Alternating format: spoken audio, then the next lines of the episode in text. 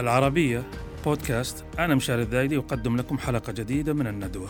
مرحبا بكم. موضوعها اليوم استكمال لموضوع الحلقة الماضية آه الذي يتلخص تحت هذا السؤال. حضارة الجزيرة العربية أو حضارات الجزيرة العربية لأن مر بها أكثر من حضارة أو في أكثر من اتجاه.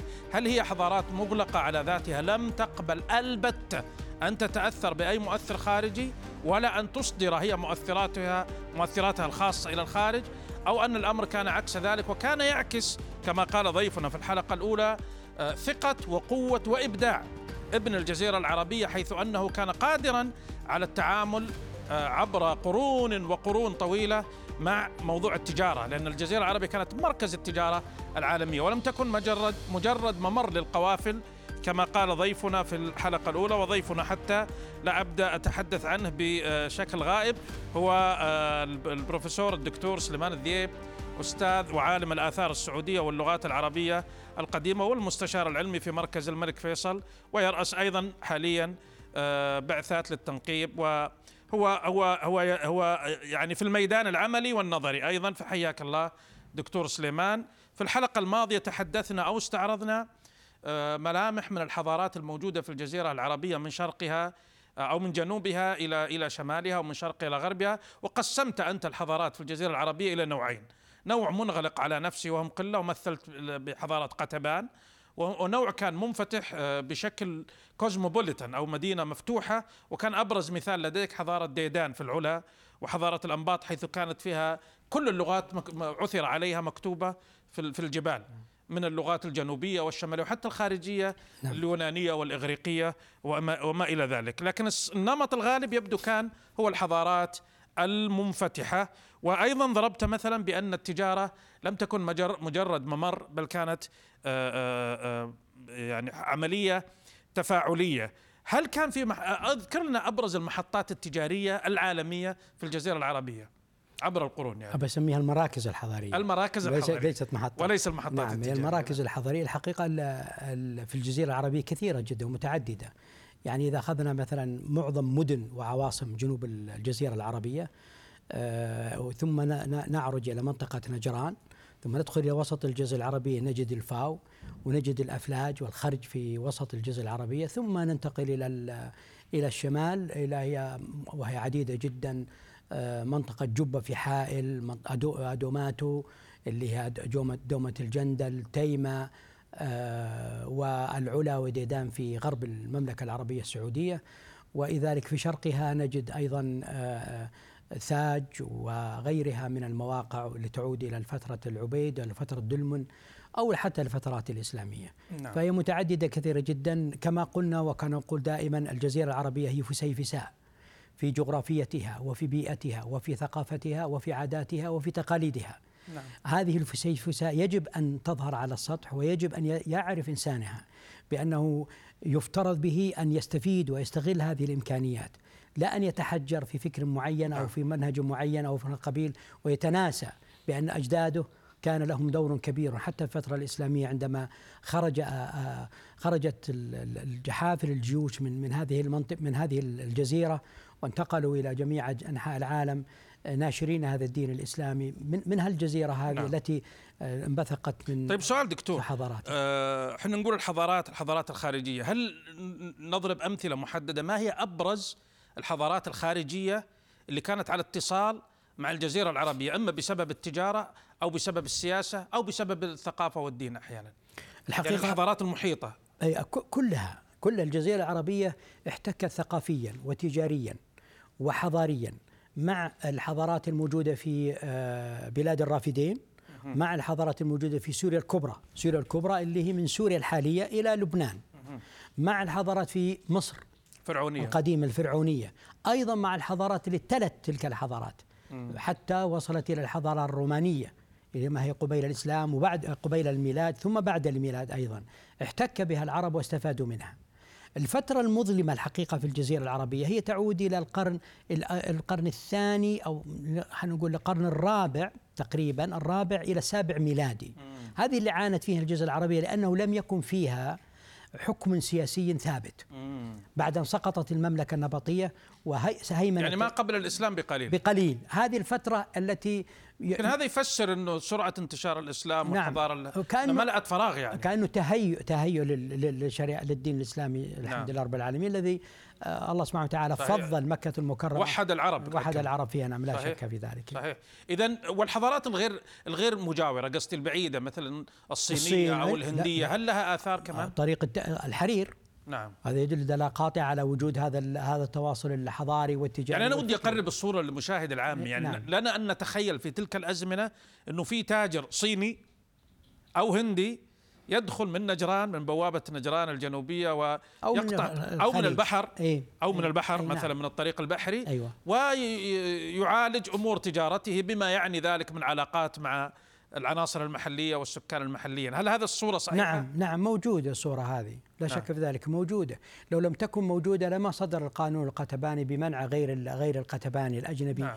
الا يتعامل موجود هذا هذا النوع من التجارة. كانت الممالك في جنوب الجزيرة العربية تأخذ أو في شرقها شرق الجزيرة تأخذ البضائع من التاجر الصيني من التاجر الهندي من المنتج الهندي والصيني ثم تصدره عن طريقها إلى إلى سوريا وإلى العراق وإلى مصر. كانت حلقة وصل رئيسيه ثم إلى أوروبا. أنا نعم هي كانت حصلت وصل وفي حلقة وصل لا شك لكنها كانت أيضا منتجا. يعني على سبيل المثال لو وجدنا الفخار التيمائي أو الفخار النبطي. هذه هذا أنواع من الفخار المتميز. لو اطلعت على الفخار التيمائي اللي يعود 3000 سنه قبل الميلاد واستمر استخدامه إلى 700 قبل الميلاد. يعني في تعقيدات تحتاج إنك تقوم بإعدادها بطريقة آه، تبغى شخص متفرغ شخص مبدع حتى يستطيع أن يرسم على كل قطعة فخارية. هذا الرسم الموجود وهذه الرسوم الهندسية أو النباتية أو الحيوانية أو الآدمية الموجودة على هذه الكسر اللي نجدها نجدها اليوم. بل تخيل إنه في في نقش من النقوش الموجودة عندنا في في ديدان في ديدان أن أحد المكعبات رسمه يعني صممه صممه مش رسمه عفوا صممه شخص وقام بتنفيذه شخص آخر ومكتوب اسمه. فلان صمم هذا الشكل وفلان يعني قام بتأدية هذا الشكل وإخراجه كمنتج. فالجزيرة العربية يعني هي لا شك كانت يغلب عليها طابع التواصل الحضاري ونقل البضائع وغيرها لكن أيضا كانت يعني تبدع وتنتج منتجاتها. لا شك في ذلك. لا ولو لم تكن كذلك لما أنتجت هذا الكم الكبير. من اللغات والكتابات مم. التي انتشرت في جميع أنحاء العالم فيما بعد كالخط الثمودي على سبيل المثال الذي تجده في سوريا وفي العراق وفي مصر وتجد أيضا في إيطاليا وفي اليونان. وهذا يقودني للسؤال هل كان التاجر العربي في هذه المناطق مش فقط يستقبل حركة التجارة أو يصدر بعض بضائع المحلية لا هو بنفسه ينشأ محطات تجارية في الخارج؟ نعم. نعم يعني يذهب إلى هناك وبالتالي ينقل معه ثقافته نعم إلى مصر أحد إلى سوريا الكبرى إلى أحد الأنباط في عندنا نقش نبطي وجود معبد موجود في اليونان. في اليونان. مع اي معبد اي معبد مما يعني إنه المعبد هذا لماذا يقام؟ يقام لأنه فيه في تكرار للناس اللي يجون حتى يمارسوا طقوسهم الدينية في هذا المعبد أو في هذا المسجد. مم. يمارسوا طقوسهم الدينية فيه. معناته في في حركات تجارية والعلاقات ما بين الأنباط وروما علاقات قوية جدا. يعني أحيانا طبعا فيها نوع من التبعية لكنها أيضا فيها نوع من آه، آه، تبين حقيقة دور الثقافي يعني عند الأنباط الحقيقة. نعم. اللي تجاوز الجزيرة العربية نعم تجاوز الحضيره العربية ليش الأنباط أكثر شيء نضرب فيه هل في أمثلة أخرى يعني غير الأنباط طبعا ديدان موجوده نعم. مملكة ديدان عندك مملكة معين ثاج موجودة كل هذه في حضارات حضارات قصدي يعني مجتمعات ومراكز حضارية لها احتكاك كبير جدا مع مع المناطق خارج الجزيرة العربية وداخلها. إيه. شوف هي المشكلة عندنا يعني إنه الناس لا يف لا يتصورون إنه الجزيرة العربية بصحرائها اليوم أنها كان أنتجت مثل هذا المنتج. مم. وهذا الخطأ اللي نقعنا فيه طبعا نحن في أقسام في تخصص الآثار لم نعطي هذه الآثار حقها وفي نفس الوقت نحتاج إلى دعم كبير جدا حتى نستطيع أن نبرز هذا هذا يقودني إلى السؤال دكتور. لماذا الإنسان العادي حتى لما أقول العادي اللي عنده فضول في ناس مو بلازم يصير متخصص بس لديه فضول أن يتعرف على الإرث الحضاري القديم للجزيرة العربية. لا يجد بغيته الكافية في سواء في في المحتوى. أنا أنا رجل في الإعلام أقول لك حتى في الإعلام عندنا ما تجد الجرعه الكافية. تجد أشياء اجتهادات يعني لا تسمن ولا تغني من جوع. ما تجد مادة علمية متتابعة ومتواترة في اليوتيوب في أفلام وثائقية إلى آخره. وأيضا أنا أدري لا أريد أن أظلم بس ما أدري كيف تقييمك العالم المتاحف المفتوح للجمهور وليس المتخصصين. يجي يتعرف على الأطوار أو الجدار الحضاري كما قلت أه والله المتاحف الحقيقة يعني يحمل شجون كثيرة جدا أه، شيخنا العزيز لأنه أنا أنا أؤمن إنه إنه المتحف هو المسرح الذي تقام عليه قطع الأثرية. فمهما مهما جبت الكومبارس والممثلين حتى يقوموا بدورهم إذا لم تضع المسرح تقام فيه المسرحية فلن يقام فلن يكون أي معنى للمسرح. إذا ما بنيت المدرسة حتى تعلم فيها الطالب ويتعلم فيها الطالب فلا معنى للدراسة. إذا ما بنيت المستشفى تعالج فيها طبيب فما فلا معنى الحقيقة سيموتون المرضى ولن تجد مكانا تعالج فيه. أنا أرى أن المتحف هو مسرح الآثار هو المكان الذي توضع فيه الآثار. مما يؤسف له طبعا بطبيعة الحال أنه في السنوات الأخيرة تم الفصل المتاحف عن الآثار. وهذا في تصوري الشخصي خطأ كبير أرجو وأتمنى من المسؤولين في وزارة الثقافة تداركه. لا يعني هذا بأننا نترك المتاحف الأخرى ذات ذات الاهتمامات الأخرى غير الآثار نتركها ونقول إن لا داعي لا بالعكس نحن نريد أن تكون هيئة المتاحف هيئة المتاحف مسؤولة مباشرة عن كل ما له علاقة كل ما له ليس له علاقة بالآثار. يعني الفنون على سبيل المثال المحلية الفضاء السيارات وتطورها كل ما له الاتصالات كل شيء هذه كنت هي تابعة لها. لكن الآثار المتاحف الأثرية يجب أن تكون تحت تحت نطاق وتحت مظلة الآثار لأن هي هو مسرحها. أنا لما الآثار لما يروح ينقب ويطلع القطع الأثرية أين يذهب بها؟ لازم يذهب بها إلى المتحف بعد الترميم ضربت مثل قبل قليل تقول الصخرة اللي اكتشفت في نعم الحائل آه أيوه. وأنت ترى أنه المفروض أن يتم نقلها نعم. إلى مكان مخصص نعم نعم أرى يعني. لأنها متميزة الحقيقة هذه الصخرة بها الكثير من من المعلومات وبها كثير من الأشياء التي تعطي الراغب في معرفة شيء عن الثموديين بطريقة مباشرة. يعني كل ما تجد عن خطوط الثمودية تجده في هذه الصخرة بشكل غريب جدا الحقيقة. كأنه الثمودي الحائلي قال لأعضاء التدريس في العالم العربي انظروا هذه اللوحة ودرسوها لطلابكم. هذه تغنيكم عن ثلاثة أربعة كتب أو أربع صفحات. جميل. لذلك أنا أرى الحقيقة لأني ودي أعود إلى المتاحف وأهمية الحقيقة إعادة النظر بأنه يجب فصل المتاحف الأثرية وإعادتها إلى الآثار لأن لأن الآثار لا توضع في المخازن إلا للدراسة أو للترميم لكنها يجب أن توضع في المتاحف. وهذا الفصل بين هذين القطاعين مع تقديري وكامل احترامي لمن اتخذ هذا القرار. هذا سيؤدي إلى تأخر أن نبرز الإنجازات الحضارية للناس لأنه هاتين هيئتين مختلفتين هاتان يعني هيئة الآثار وهيئة المتاحف وتتصاد يعني تتصادمان يعني في تصادم بينها بين بينهما لمصالحهم الخاصة. فلذلك أرى الحقيقة آه، يعني ضرورة آه، إعادة هذا المسرح إلى الآثار. ومنحه للاثريين نعم لبعث الاثريين لأنه لو رحنا إلى المتاحف الإقليمية التي بنيت في عهد الدكتور عبد الله المصري الله يذكره بالخير ويمسيه بالخير أدت دورها لأنها كانت حافظا ليست مخزنا. ولكنها كانت الحقيقة مرآة لآثار كل منطقة موجودة. نأمل إن هذا يعود مرة أخرى. لا نفرط بهذا النجاح ثم نعود الناس تتقدم إلى الأمام لا ترجع إلى الوراء. نعم. نحن مع الأسف يعني لا أقول رجعنا إلى الوراء ولكننا خلقنا مشكلة يفترض أن لا تخلق. نعم. طيب هذه نقطة مهمة. أنا أحببت أنك تأخذ وقتك فيها لأن فعلا آه، يعني آه، رأي من رجل متخصص لكن حول المتاحف ثم أنطلق قريبا منه.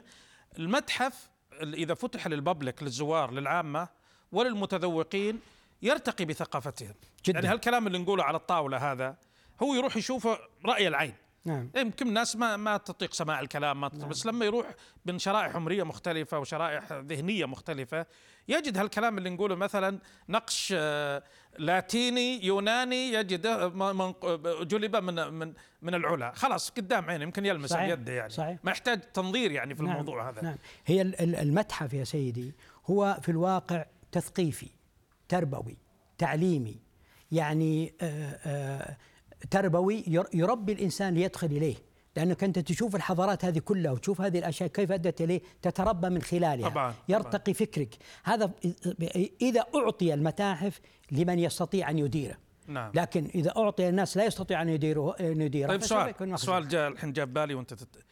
آثارنا نحن في الجزيرة العربية لما أقول الجزيره العربية أقصد حتى أيه. اليمن وبلدان أيه. الخليج أيه. والى آخره نعم هذه أرضنا كلها أرض أيوة. واحدة كم اللي موجود منها خارج خارج الجزيرة العربية في المتاحف الأجنبية. والله صعب إني أقول لك لكن أعداد كبيرة جدا. يعني أغلبها قصدي اغلب, أغلب آثارنا أغلب. نعم كثير جدا. إذا كان ظاهر على السطح راح إلى خارج ال... أحيانا أنا أرى أنه حفظ في الحقيقة لكن يفترض فينا نحن في في العالم العربي سواء كان من اليمن أو من دول الخليج العربي أو من المملكة العربية السعودية أن نبني متاحفنا بأنفسنا وأن تكون متاحفنا تثقيفية تنويريه تعليمية كل شيء. ليش؟ لأن ولا يجب أن نحصرها فقط في آثارنا نحن. نعم. يجب أن يجب لا يقل متحف الوطني في المملكة العربية السعودية عن متحف سوربون نعم. لا لا شيء لا شيء يمنعنا أن نكون نحن أو المتحف البريطاني يجب صحيح. أن يدخل المواطن نعم. وغير المواطن لهذا المتحف ويرى حضارة بلاد الرافدين حضارات حتى آخرين آخرين نعم. أما الاكتفاء والانطواء على فقط ال ال صحيح. الآثار السعودية الآثار في الجزيرة العربية صحيح. فليست فليست مهمة. صحيح دكتور الآن هل هل ما شاء الله العرض الرائع على مدى حلقتين للتنوع المثير للدهشة في الجزيرة العربية والانفتاح أيضا وبنفس الوقت الحفاظ والاعتزاز بالهوية.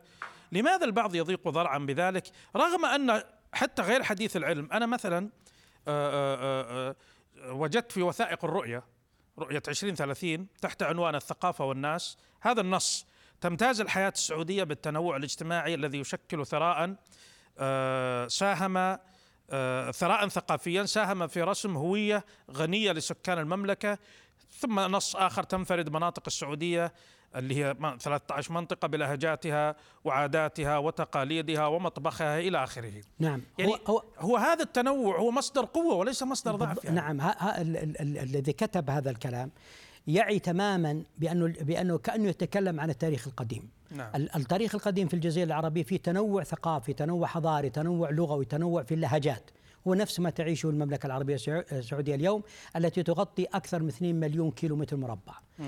لذلك الحقيقة آه هذا اللي كتب هذا الكلام الحقيقة يعني فتح لنا باب على ضرورة الحقيقة الاهتمام بهذه الثقافات وبهذا التراث الموجود عندنا في المملكة العربية السعودية والآثار الموجودة فيها. نعم. وعندنا الحقيقة مثال بسيط اللي سمحت لي أقوله اللي عندنا في مركز الملك فيصل الآن نقوم بمشروع الحقيقة اسمه المروية العربية.